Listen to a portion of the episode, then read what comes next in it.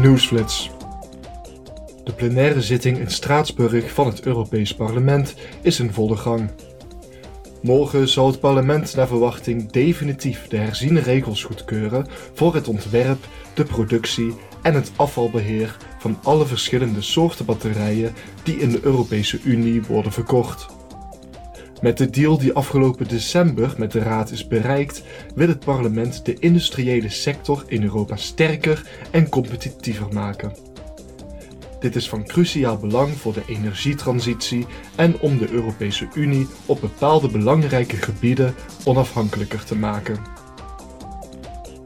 Vandaag zullen de parlementsleden debatteren over nieuwe regels voor artificiële intelligentie.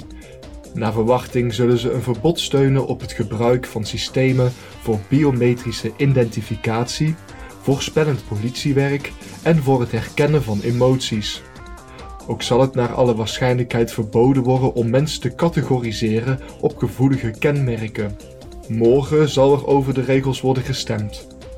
Zodra het parlement een standpunt heeft aangenomen, kan het met de Raad in gesprek gaan over de definitieve vorm van de nieuwe wetgeving.